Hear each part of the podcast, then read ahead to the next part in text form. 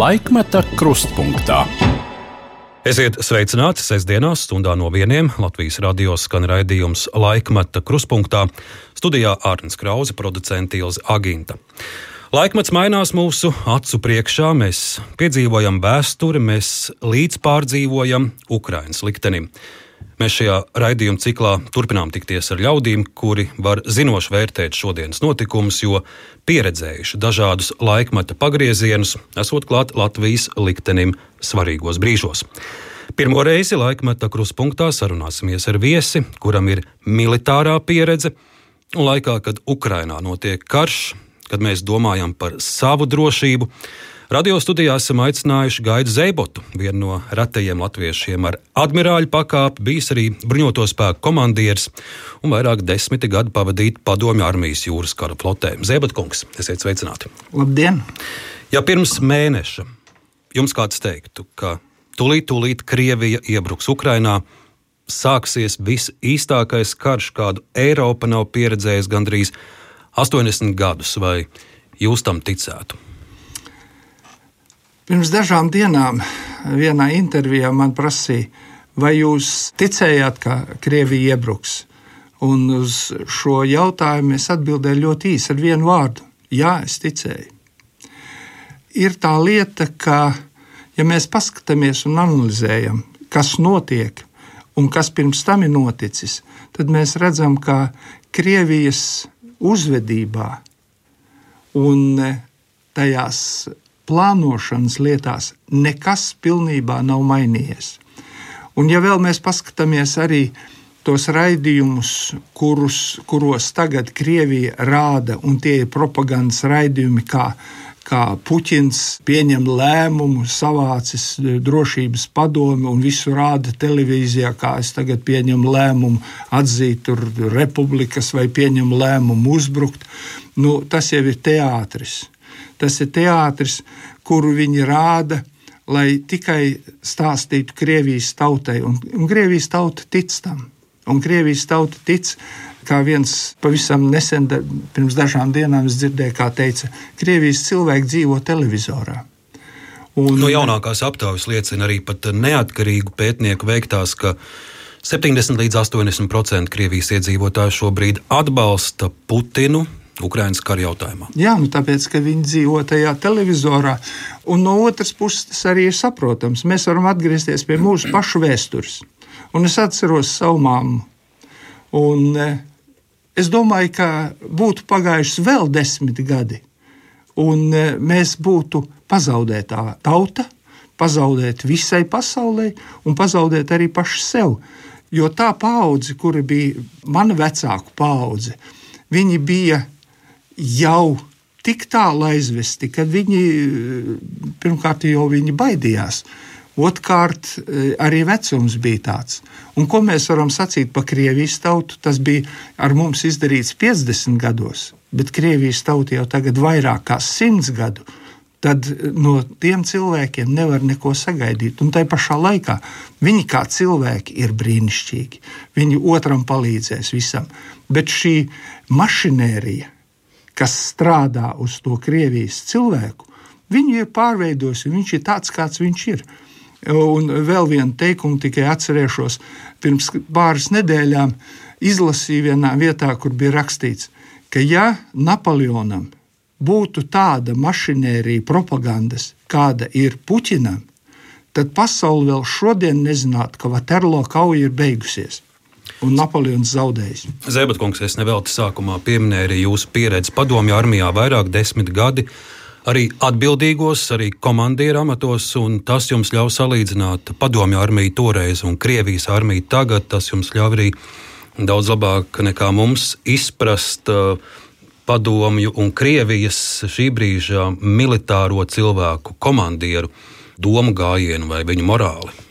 Nu, man, man par šo ir ļoti labas atmiņas no, no studiju laikiem Amerikas Savienotās valstīs.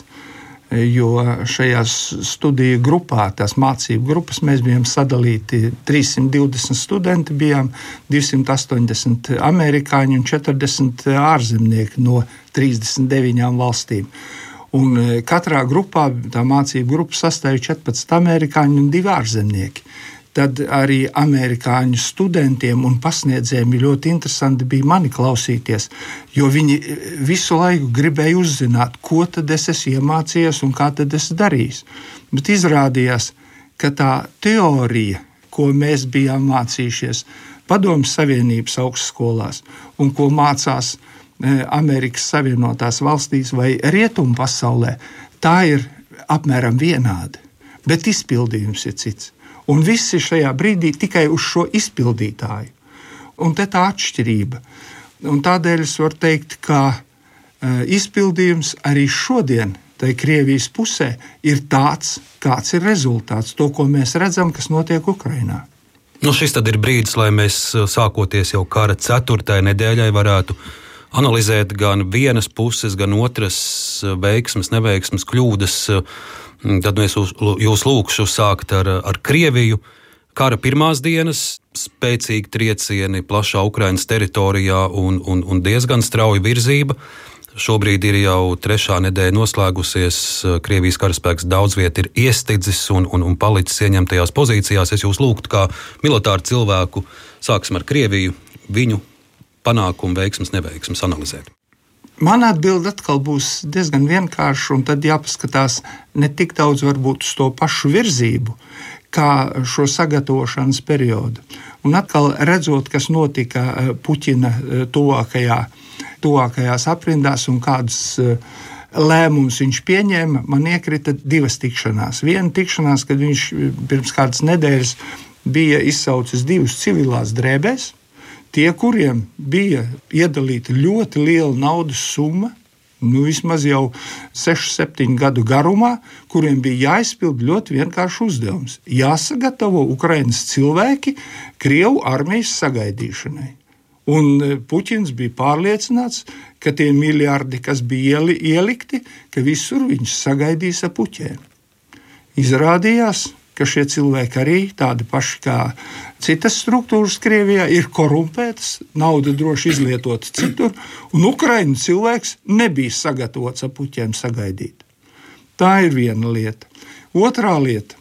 Ja mēs paskatāmies atkal to pašu drošības padomjas sēdi, kurā Medvedevs ziņoja, Viņš saka, nu kādas muļķības, nu ko jūs baidaties par sankcijām? Nebaidieties, paskatieties 14. gadā, 8. gadā. Ar mums nekas nenotika, tā kā iesim droši uz priekšu un viss. Tātad iepriekšējās darbības nekādu skolu, nekādas pieredzes nav devušas neko izmainīt. Un trešais, tas pats galvenais, ka visā plānošanā bija ieplānots tas pats parādās ierindā, iet uz priekšu, tādēļ, ka sagaidīs ap puķiem viss. Tas nozīmē, ka bruņoto spēku augstākā vadība nemācās, viņi palikuši tajā pašā līmenī un domā, ka tā kā 18. gadsimtā visu atrisināja tikai spēks un e, runāšana, mums ir 21. gadsimts. Tā vairs pasaulē nenotiek. Es domāju, tā tad nemākulīga plānošana, plānoja visu pa vecam, un bija pārliecināti, ka Ukraiņu tauta sagaidīs ar puķiem. Un kā ar izslavēto Krievijas militāro tehniku, kur īpaši slavē 9. maija parādēs sarkanajā laukumā šī varenība un tas, ko mēs redzam neskaitāmos video, šī tehnika ir iestigusi Ukrāņu mežos, Ukrāņu purvos. Uh, Daudz arī ir uh, uzspridzinātas tehnikas sabojātas. Es vai kāds no klausītājiem arī ievēroja pirms dažām dienām, bija tāda neliels tāds sīgs teikums, it kā garām ejot. Uh, vienā no sašautām bruņu mašīnām atradās arī virsnieku parādas formas. Tā ka viņi jau gatavojās šai parādai. Viņi bija pārliecināti, ka, ka tas tā būs. Nu, dzīve ir mainījusies, cilvēki mainījušies. Arī Ukrāņu karavīri e, vairākās vietās rādīja, ka viņi brīnījās par to, cik slikti ir uzturēta šī tehnika, kuru uzskatīja, ka tā ir ļoti laba tehnika, un e, Ukrāņu karavīri brīnās, nu kā var karavīri tik e, slikti uzturēt savu tehniku, jo tas ir viņa darba rīks, teiksim, ar to viņš pelna maizīti. Bet e, šeit atkal ir tas otrā puse uzreiz jāsaka. Nu, tie ir obligātā dienesta karavīri.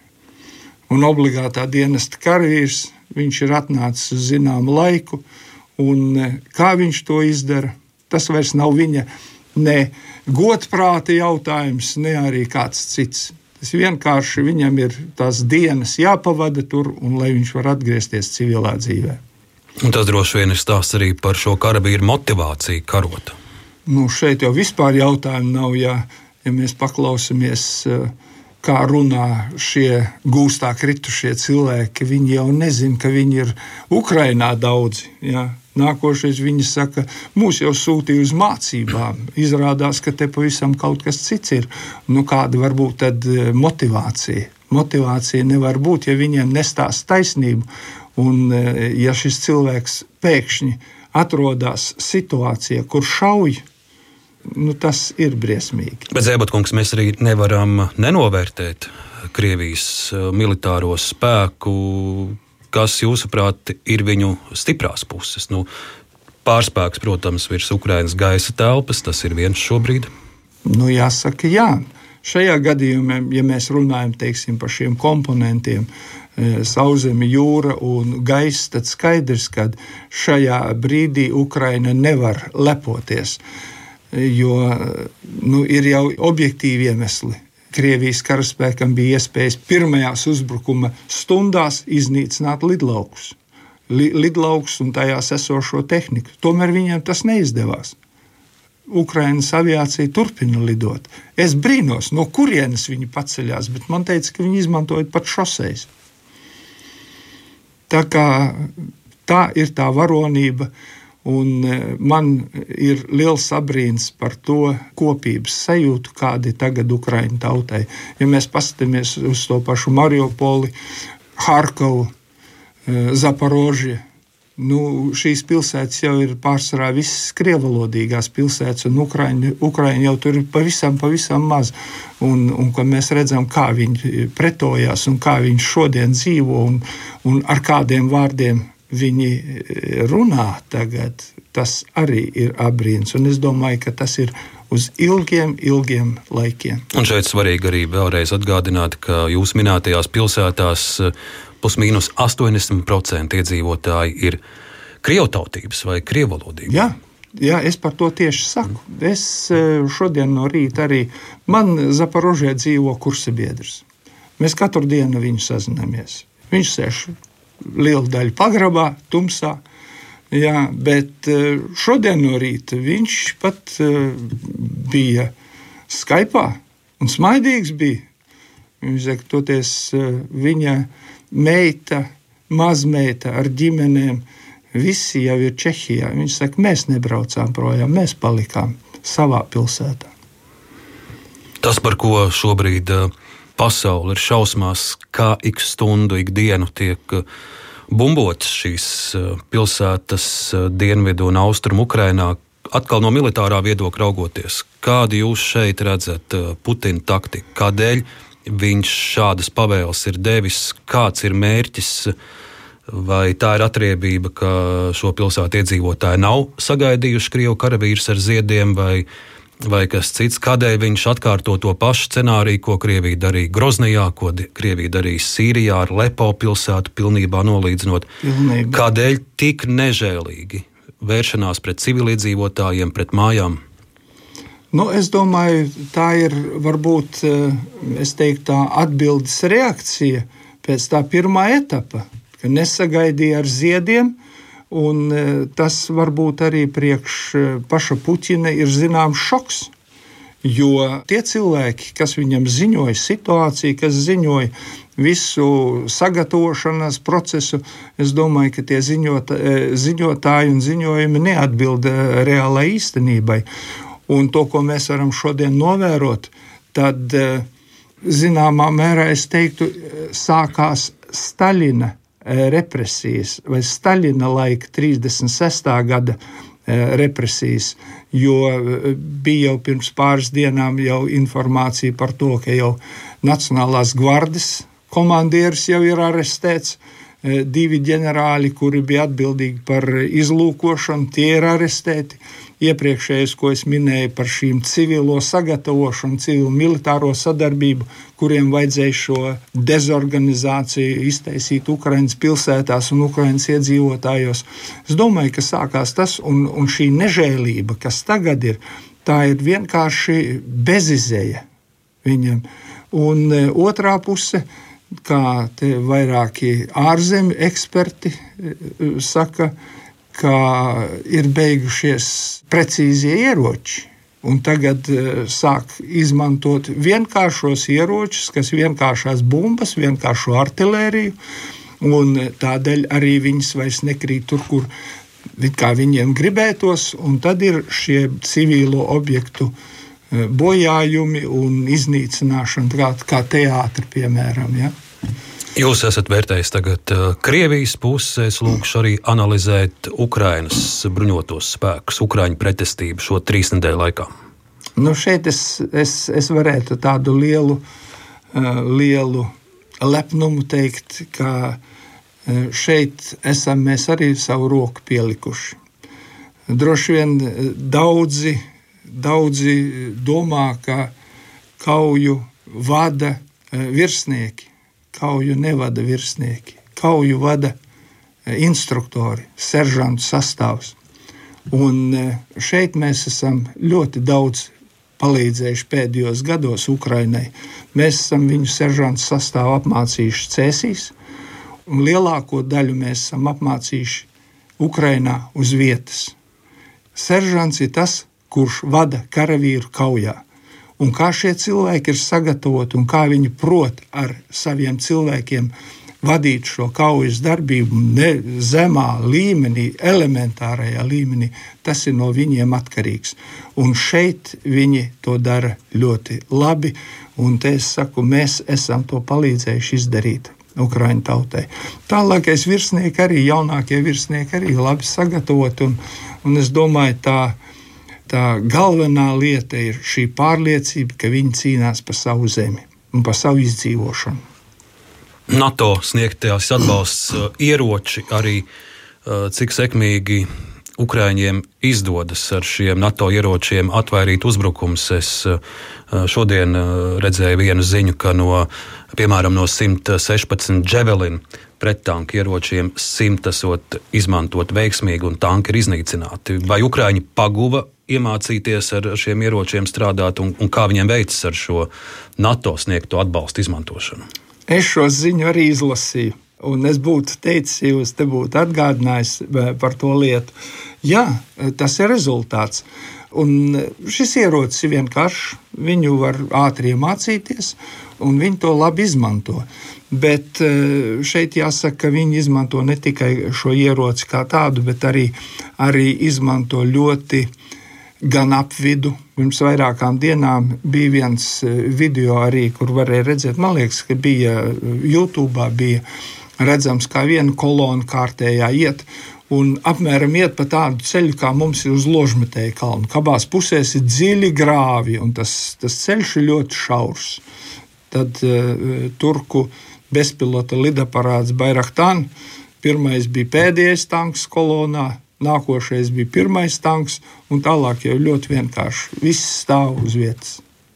Tas, ar ko Krievijas propaganda arī pēdējās dienās, es pieļauju, grib iebaidīt Ukrāņus, ir uh, šīs ziņas, ka uh, vēlme piedalīties kaujās Krievijas pusē ir izteikuši gan čečeni, gan uh, brīvprātīgie no Sīrijas. Uh, tā ir tāda tiešām iebiedēšana, vai jūs reāli uzskatāt, ka nu, sīrieši varētu doties karot uz Ukraiņu, Krievijas pusē? Man gan grūti saprast, kā tos tūkstošus tur varētu pārsūtīt, cik tur vajadzētu avio reisus un otrkārt, ko sīrietis Ukrainas reliefā darītu. Nu, runājot par čečēniem, nu, čečēni jau es tā saprotu, ka bija iesūtīta ļoti specifisku uzdevumu likvidēt eh, Zelenski. Būsim tādi, kā saka, tieši sarunā. Un kāds rezultāts bija? Viņus tur izķēra daudz, un arī es tā, cik es sapratu, ka viens, viens čečēņu ģenerālis arī gāja bojā. Tā kā tas ir, tas ir pa čečēniem. Un šeit atkal jāsaka, šī specifika, kā strādā Ukrainas karavīri un viņu struktūras. Par Sīriju un, un tad jāsaka mums par islāmu jāsaka. Tātad mēs tagad paši organizēsim islama ticīgos, lai cīnās pret kristiešiem. Nu, kaut kas e, šeit jau neiet kopā pats par sevi. Nu, otrais, kā to fiziski izdarīt, nu, es nezinu.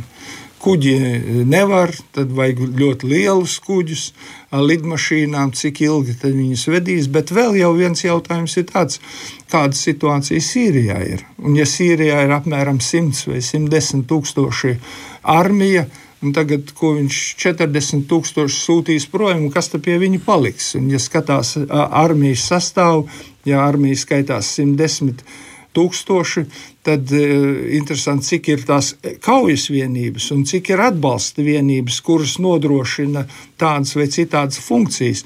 Tad viņiem Sīrijā nekas nepaliks. Es domāju, tas ir, tas ir vienkārši tāds uh, reklāmas un varbūt, varbūt šajā brīdī vienkārši uh, iebiedēšanas moments, ka vienkārši iebiedē. Tas tieši tāpat kā ar atombumbu. Es vēlos šajā stāstā pieminēt vēl vienu karā iesaistīto pusi. Tā ir Baltkrievija, un tas ir Baltkrievijas autoritārais pašpasludinātais prezidents Lukašenko. Baltkrievijas loma un Lukašenko loma visā šajā kara stāstā tas atkal ko liecina aptaujas, un, un ko daudz Baltkrievu pat nenoliedz. Ļoti zems atbalsts atšķirībā no Krievijas iedzīvotājiem ir Baltkrievu vidū. Visai šai avantūrai, tas, ko es redzēju, vien 3% iedzīvotāji atbalstot vispār pat domu, ka Baltkrievija varētu karot Ukrainā. Nu jā, tad, ja runājam par Baltkrieviju, tad šeit jāsaka tā, eh, Baltkrievija un Baltkrievijas tauta un Lukašenka ar nelielu cilvēku vai struktūru grupu. Tās ir divas pilnīgi dažādas lietas, un viņi dzīvo divās dažādās pasaulēs.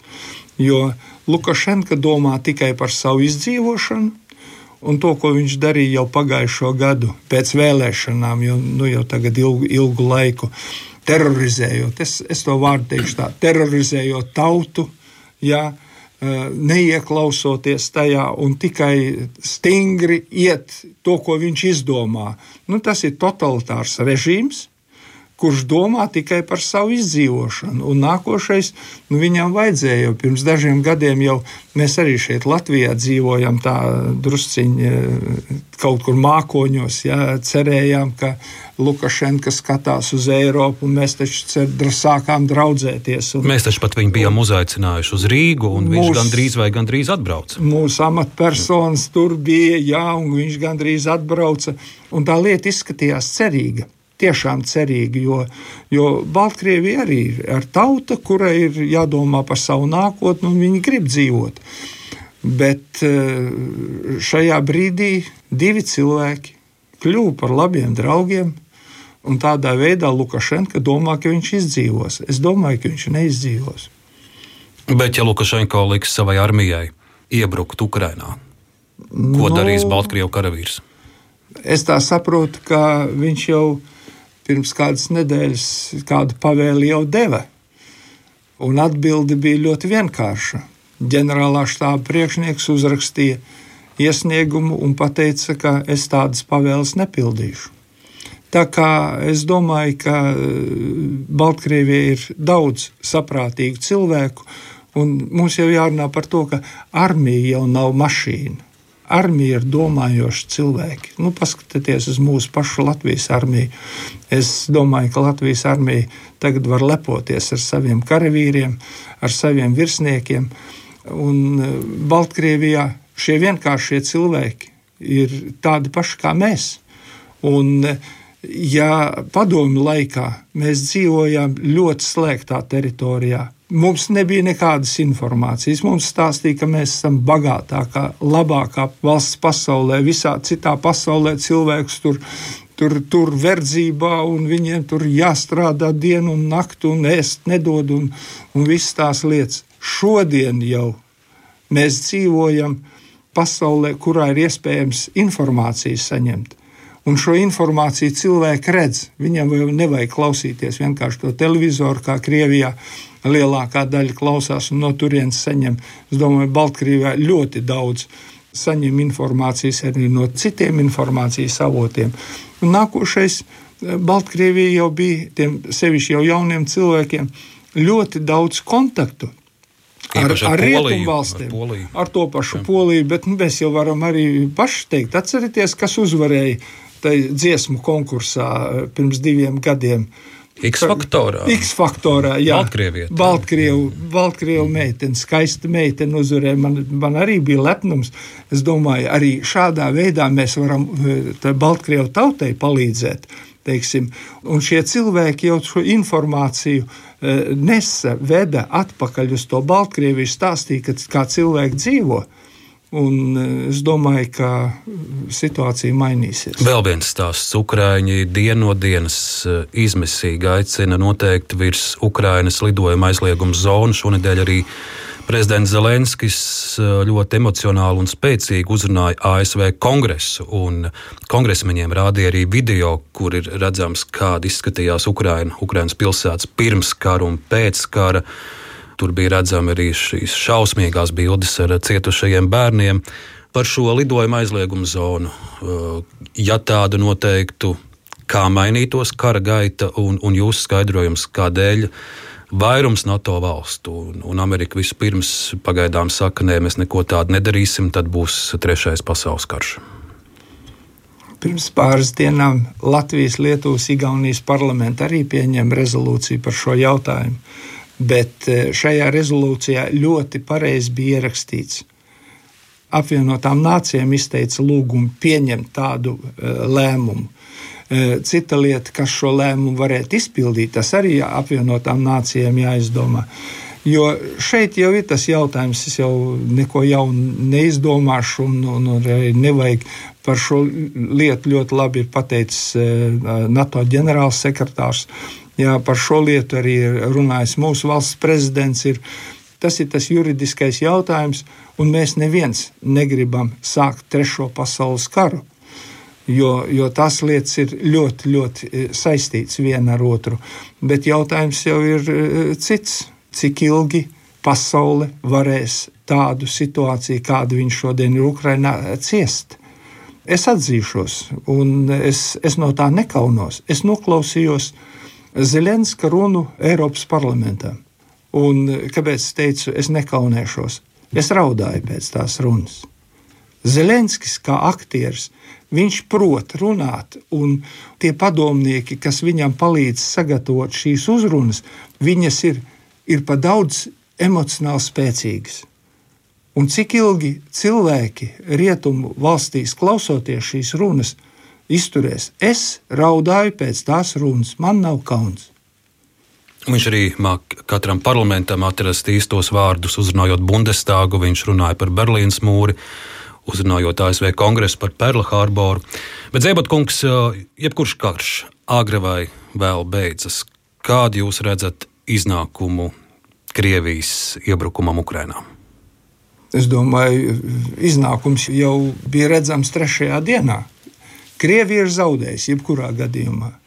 Man ir žēl Krievu tautas, jo viņi tagad paliek vieni. Ko viņi vieni darīs pasaulē? Nu, Viens... Vēl ir Ziemeļkoreja, Eritreja. Jā, Sīrija jā, pat, varbūt vēl pāris valstis, kas pat, atbalsta. Pat uh, ziņas ir, ka pat, uh, pat Kuba neatbalsta. Ziemeļ, Ziemeļkoreja arī neatbalsta. Jā, tā situācija tāda ir.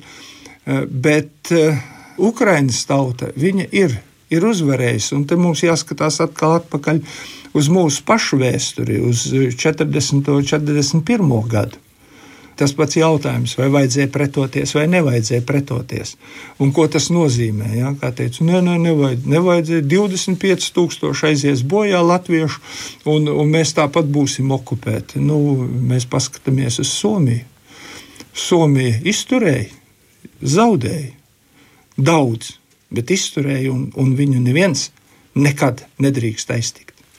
Un tāpat būtu ar mūsu. Bet Ukraiņa to ir izdarījusi, un Ukraiņa ir uzvarētāja.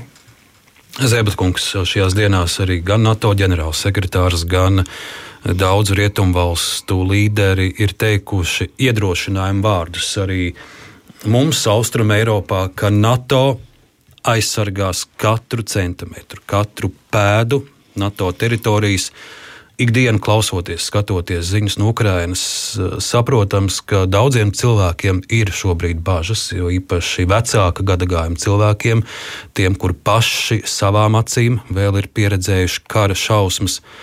Ko jūs teikt šiem ļaudīm, kādus iedrošinājumu vārdus? Es, es laikam pa priekšu nepiekritīšu tam, ka vecāka gada gājuma ļaudis vairāk uztraucās. Man liekas, ka tagad uztraucās jaunā paudze vairāk. Un tad es atceros pirms dažām dienām Daņu Ivānu uzrunu. Un e, Daņu Ivānu uzrunā bija viens teikums, kas mani ļoti, ļoti uzrunāja.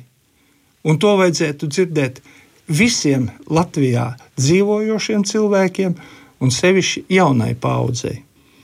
Dainis teica, šajā uzrunā, ka katrai paudzei ir jāizstāv vai jācīnās par savu brīvību.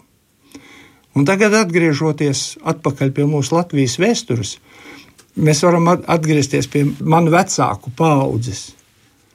Viņi cīnījās, nosacīta tā cīņa bija. Un tā cīņa bija nosacīta, un tur mēs varam iedalīt Gunāru Astru un vēl kādu cilvēku. Bet tā cīņa nebija tāda, kā, kā Dainis savā uzrunā teica. Paudze ir jācīnās. Un tādēļ mums bija 50 gadu okupācija. Un tad nāca nākošā paudze, jau Dainis Ivāns. Un mēs tikām pie tās, tās brīvības. Un es e, teikšu, ka šodien par šo uh, situāciju ļoti uztraucās jaunā paudze. Es esmu laimīgs cilvēks, man jau ir mazmazdēls. Un mana mazmazdēla mamma, tad, kad bija koncerts pie kongresa nama Ukrainai, viņa tur raudāja. Ja? Nākošā dienā viņa, viņa ir, ir pie manis un, un, un ko lai dara? Viņa saka, zvana man, draudzene raud viss. Tikai par šo situāciju. Es domāju, ka mums ir nākotne, jaunā paudze domā par mūsu valsti, domā par mūsu brīvību, un viss būs labi. Ja runājam par tiem, kas cīnījās, jūsu tēvs cīnījās, Julijas Zēbots un krita Otrajā pasaules karā, par jūsu bērnību, par jūsu pieredzēto Mēs runāsim mūsu raidījuma turpmākajā daļā, un, protams, ievērosim arī mūsu tradīciju. Mēs noklausīsimies arī vairākus arhīva ierakstus. Raidījumā laikmeta kruspunktā šodien viceadmirālis bijušais Nacionālo bruņoto spēku komandieris Gaidis Zēbots. Jau pēc īsa brīža mēs turpināsim.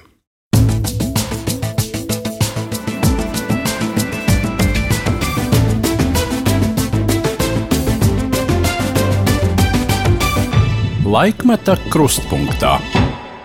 Ziebatkungs, tagad vairāk par jums pašu. Esat dzimis pirmajos pēckara mēnešos, 45. gadā, uzreiz pēc Jāņu svinēšanas. Valkas pusē, Cirgaļu pagastā, nu es kartē skatījos, tur ar binokli var redzēt Igauniju, bet, protams, tur nekādi nevar saskatīt jūru. Kā jums radās doma, sapnis un pēc tam jau arī tik daudz gadi jūras spēkos? Principā tā lieta ļoti vienkārši ir. Gribējās mācīties tajā laikā, un tās iespējas nu, bija tādas, kādas viņas bija. Bet doma bija par ceļošanu. Jo es biju izlasījis Miklu Maklāju, visādas, visas iespējamās lietas, kas bija ar ceļošanu, lieldienu salas vai dieviņu, skaistas vietas un lietas. Un, un, un tad, kad vajadzēja pieņemt lēmumu, Tas lēmums nāca ļoti vienkārši. Ka vajadzēja mācīties un apgūt kaut ko tādu, kas ir pilnīgi jauns. Un tā bija radioelektronika. Un šī radioelektronika izšķīra visu. Tā aizveda uz, eh, uz institūtu, uz uh, Sanktpēterburgu, tagad, tagad uh, tā laika Leņņģeradu. Un 69. E, gads, kad es beidzu šo institūtu, saņemot inženieru diplomu radioelektronikā, tas bija kaut kas jauns. Un tajā laikā flote vai, vai nu, principā visas nozares lēnām pārgājuši šo elektroniku. Un, un tā es nokļuvu arī uz, uz kuģi, ja, kur elektronika sāka spēlēt galveno lomu un tā mana karjera sāk veidoties. Tas, ka jūs tēvs dienēja leģionā, tas nebija nekāds traucēklis to laiku. Vai? Redziet, mani izglāba ļoti viena interesanta lieta. Jo mans tēvs bija Lestenē, viņš bija gan iesaukts tikai armijā 44. gada janvārī jo viņš bija palicis vienīgais, vienīgais lauksaimniecības īpašnieks, un vāciešiem bija tā broņa, tā saucamā, kā, kā pareizi tur es nezinu īstos vārdus, kā bija. Bet eh, tad, kad vairs situācija bija tāda, tad iesauc arī pēdējos, un viņš bija starp tiem pēdējiem. Un eh, viņš eh, nav vietas un nav laika, kad viņš ir kritis, kur viņš ir kritis. Tas nav zināms. Bet kas un, ir tas, kas jūs izglābj? Un, un, un tādēļ, tādēļ viņu meklēja. Un, e, Meklēja ļoti intensīvi, un 48. gada oktobrī mana mamīte saņēma oficiālu padomju varas izdot dokumentu, kurā rakstīts, ka Jūlijas Zēbots otrā pasaules kara laikā ir pazudis bez vēsts. Un šis bija tas, tas dokuments, kas mani glāba, jo man nekad neprasīja, kas ir tēvs bijis, jo pazudis ir bez vēsts. Kur pazudis, kā pazudis. Un es domāju, ka tas, šis dokuments tas bija tas, kurš ļāva man iet par šo gan dzīvi, gan karjeru bez e, ierobežojumiem. Zēbatkungs, sākoties atmodai, jūs esat Liepājas jūras kara bāzes priekšnieka vietnieks. Jūs tiekat ievēlēts arī par uh, Liepājas Domas, uh, deputātu, tautas jā, deputātu tautas padomē. Jā, kopā Bet, ar Uldi Pīlēnu. Cik es lasu, ka, ka jūsu darbība toreiz nav paprātam īsti PSRS kara bāzes vadībai, un jūs vēl PSRS pašos pēdējos mēnešos un stundās tiekat pārcelts uz, uz Poliju īsi par šo? Nē, nu, ar, ar manu darbību bija viss normāli. Viņiem nebija nekādu pretenziju. Bet es izdarīju vienu lietu, kuras dēļ mani vienkārši pārcēla dienestam uz citu vietu. Tas bija 88. gada 18. novembris, kad Liepājā virs pedagoģiskā institūta tika pacelts Latvijas karogs. Šī karoga pacelšanā piedalījos es. PSRS, PSRS armijas PSRS, bāzes komandieru vietnieks. Jā, formā Pie vienas rokas bija sieva, un pie otras sievas māte. Pēc 45 dienām es sēdēju mašīnā un mani ved uz Poliju. Un tā es nākošos četrus gadus dzīvoju Polijā bez ģimenes. Atgriežoties Latvijā, jūs iekļaujaties jaundibinātajā Latvijas armijā, jūras spēkos, un uh, Zēbatkungs pirmais no ierakstiem, kur es piedāvāšu noklausīties, tas būs no 1996. gada. Jūs tolaik esat NBS komandiera vietas izpildītājs. Uh, sāk veidoties jaunā neatkarīgā Latvijas armija, protams, arī ar dažādām uh, problēmām un, un, un, un dažādiem netikumiem, kas vēl tiek pārņemti no, no padomu laikiem. Viens no tādiem ir ārpus reglamenta attiecības un disciplīnas problēmas. Tātad jūs un robežsardze spēku komandieris Gunārs Daboliņš dodaties apmeklēt uh, Grenstāles uh, punktu un runājat par disciplīnu armijā 96. gada augusts. Jebkura ranga karavīram, pat mazākās aizdomas, ka tiek darīts valstī, Viņam personīgi, gan pāri, ne tikai viņam ir tiesības, viņa pienākums ir par to rakstīt sūdzību, informēt un tā tālāk. Es gribētu šo panākt, ne, lai vecāki tic mums, ne, un ka mēs izmeklēsim un vainīgie būs sodīti. Jāsalauž, jāpārlauž tā visa psiholoģija. Šāda epizode. Jā, tā nav vienīgā. Bija arī es saņēmu ziņojumu, ka Stalzinē bija jūras spēkiem rotas stāvēja ka tur ir rotas komandieris arī ārpus reglamenta attiecībās iesaistīts. Un secinājums bija ļoti vienkāršs. Es ierados, šis cilvēks tika atvaļināts. Bez kādiem jautājumiem. Tā bija mūsu jaunās Latvijas armijas nelaime. Runājot par uh, jaundibinātajiem, atjaunotajiem jūras spēkiem 40. gada 25. jūlijā pēc admirāļa spādas pavēles jūras spēka kuģi nolaida Latvijas karogu. Jums bija tā iespēja Liepājā būt klāt ceremonijā, kad karogs atkal atgriezās. Un, ja es nekļūdos, tas pirmais mūsu kuģītis bija Sams. no zivju uzraudzības inspekcijas pārņemtais 101. patruļkuģis, kur pārdēvēja par samu. Par samu. Sams. Jā, 11. aprīlis, 92. gads. Un šeit jāsaka, tā e, mums ļoti palīdzēja gan Dievs, gan arī tā situācija, kādā mēs bijām. Un es domāju, tā laika e, premjerministrs e, Godmaņkungs. Jo ļoti īsā laikā tika pieņemts lēmums par to trīs zivju inspekcijas kuģu nodošanu Latvijas jūras spēkiem, un tad mēs varam redzēt, ka mēs jau bijām vienu kuģi jau uz 11. aprīli sagatavojuši un varēja pacelt karogu. Tas bija pateicoties atkal visiem tiem cilvēkiem, jo tajā laikā visi strādāja vienam mērķim - Latvijai. Vēl viena epizode - 1999. gada 26. augusts valsts prezidenta Vairvīta Freiberga jūras spēku komandierim, jūras kapteinim Gaidim Zēbotam piešķir admirāļa pakāpu, un es nocitēšu Hugo Leksdeņu zemūdens ronis leģendāro pēdējo komandieru, ko viņš šajā dienā raksta. No sirds priecājos, lai dzīvo karjūrnieks Gaidis Zēbots, otrais latvietis, kas Latvijas patstāvības gados ieguvis admirāļa dienesta pakāpi. Lai varētu komandēt jūras spēkus, admirālim jābūt simtprocentīgi godīgam, disciplinētam un gudram. Kopā ar visiem karjūrniekiem lepojos ar Gaidi Zēbotu, kam piemīt visas šīs īpašības. Labu veiksmi, tā toreiz raksta Hugo Leksniņš.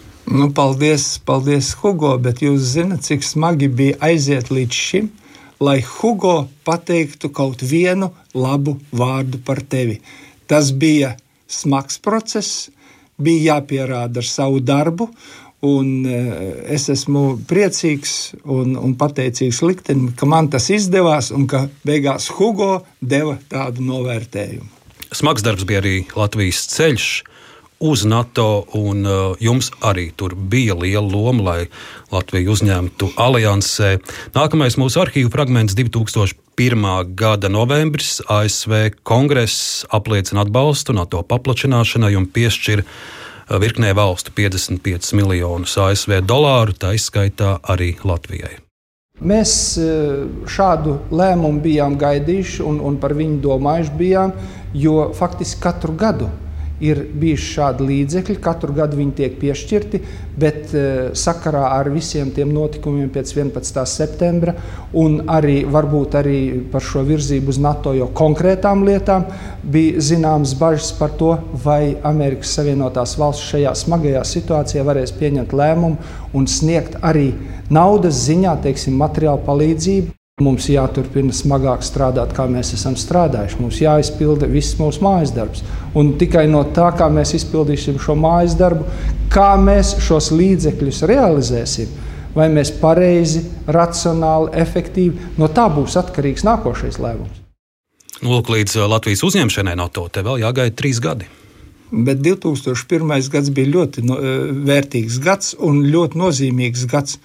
Es 2001. gadā 18 reizes biju Amerikas Savienotās valstīs. 18, 36 reizes lidot pāri okeānam, ieskaitot arī 11. septembri.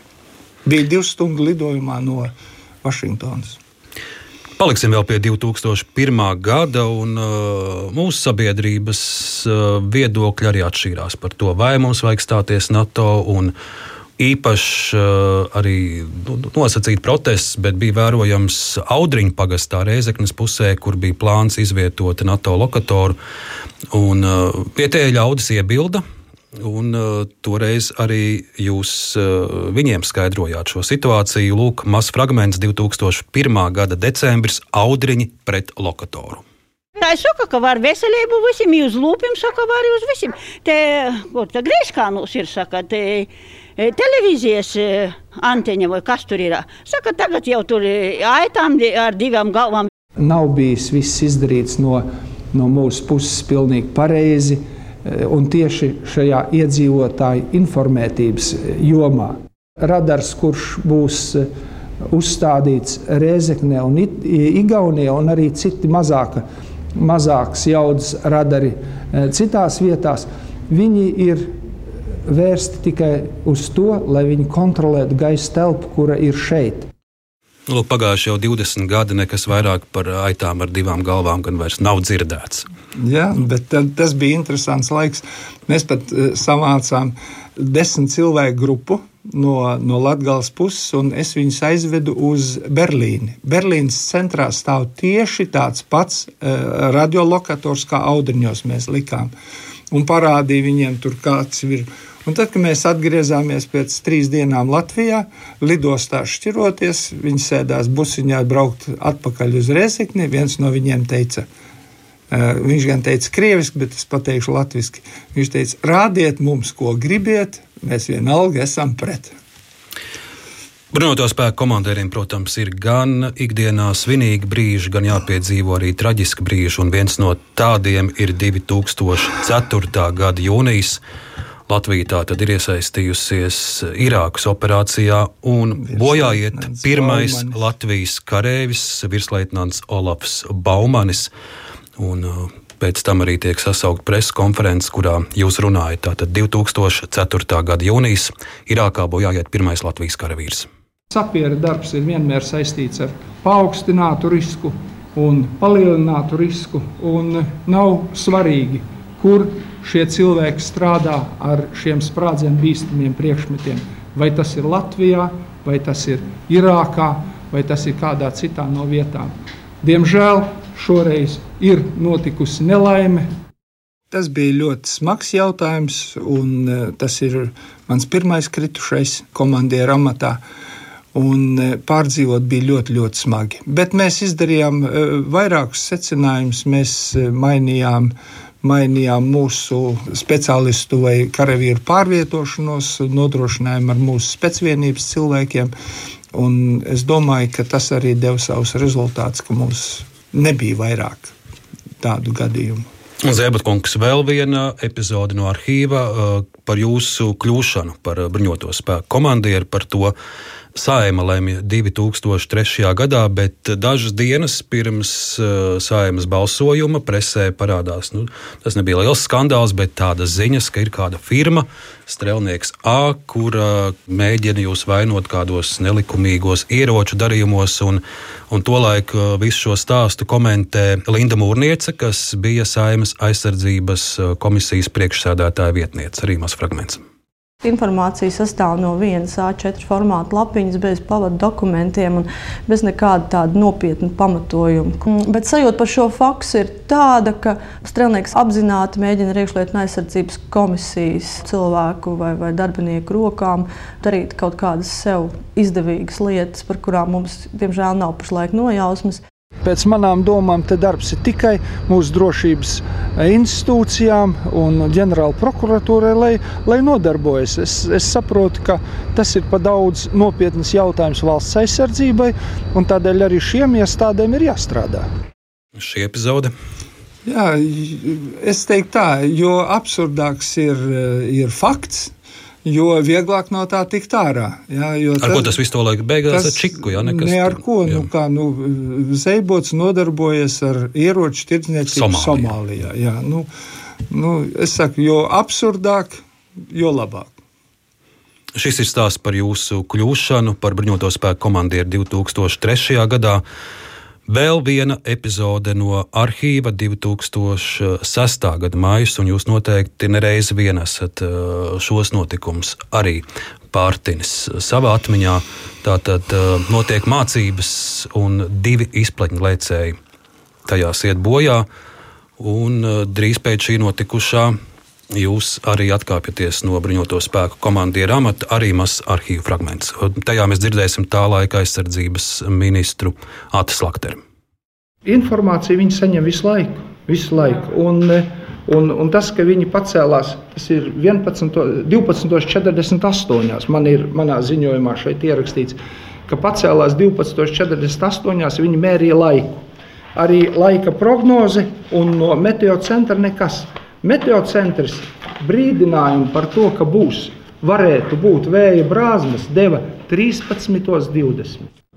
Tie divi cilvēki, kas bija, kas bija ūdenī Daugaus vidū, kurus izglābja, viņiem abiem vestes piepūstas bija, viņas nostrādāja, viņi bija gandrīz atdalījušies, at, at, at, atāķējušies no, no, no sistēmas, ja, bet šie divi karavīri, kuri gāja bojā, abiem diviem ne vestes nebija piepūstas, ne arī viņi bija vaļā no, no izpletņiem. Viņi bija kopā ar izpletņiem un, un nogrimuši. Tā ka tur ir tās stropas visas uh, sapinās un, un uztraukums. Es domāju, ka vienkārši šie cilvēki arī uh, zināmā mērā pārdzīvoja, viņi nespēja izdarīt to, kas bija jāizdara. Pirmdienas vakarā, kad es viņam izteicu to, ka situācija ir tāda, ka tomēr acīm redzot saprātīgāk būtu viņam doties projām, es domāju, ka viņš šajā brīdī rīkojas kā goda vīrs un atbilstoši tai situācijai, kāda pašlaik ir. Jā.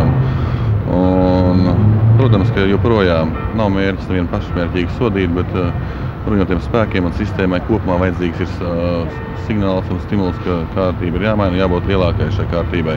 Nu, toreiz ministrs saka, ka jūs esat rīkojies kā goda vīrs, bet tas ir tas komandieru pienākums uzņemties atbildību par visu. Jā. Jā, ļoti smagi atcerēties šo gadījumu, bet uh, dzīve ir tāda, kāda viņa ir. Tur mēs neko nevaram izdarīt. Un, uh, ja jau mēs uh, varētu paredzēt dažādas lietas, tad nenotika neviena nelaime.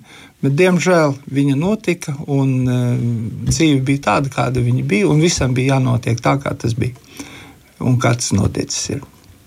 Un Zēbatkungs sarunas noslēgumā raugoties ar skatu uz nākotni. Cik droši jūs redzat Latvijas likteni? Es esmu nelabojams optimists, un neskatoties uz dažādām lietām un dažādām grūtībām, kādas mums ir jāpiedzīvo, 2009. gada krīze, Covid un, un, un tagad Ukrainas karš, tās lietas, bet es domāju, ka Latvijas tauta ir stipra. Mēs visi esam pārliecināti par to, ko mēs darām. Un es domāju, ka pierādījumu mēs vēlreiz varētu atgriezties pie šiem 90. gadiem un šo mērķi mūsu iet uz NATO un Eiropas Savienību. Ne tikai daži Latvijas iedzīvotāji bija pret to, bija jāpārdzīvo, brauca sevišķi Francija. Francijas delegācijas augsta ranga brauca, lai mūs pierunātu, ka mums ir pa priekšu jāiestājās Eiropas Savienībā un tikai tad NATO. Bet Latvija, sākot no valdības un beidzot ar, ar visiem cilvēkiem Latvijā, bija stipri, spēcīga un teica, nē, mums ir pirmais drošība, un tad mēs tiksim galā arī ar ekonomiskiem jautājumiem. Un es domāju, ka arī tuvākajā nākotnē mēs būsim tādi paši stipri un pārliecināti. Galvenais, lai mēs visu darītu kopā. Zēbatkungs, liels paldies par jūsu vērtējumu, par jūsu atmiņām. Paldies par sarunu. Paldies! Raidījumā laikmatā kruspunktā šodien bija viceadmirālis, bijušais bruņoto spēku komandieris Gaidis Zēbots, raidījuma autori Arnis Krause un Ilza Aginta par skaņu rūpējās Guntars Plūcis un Reinis Budze. Paldies un turpiniet klausīties Latvijas radio!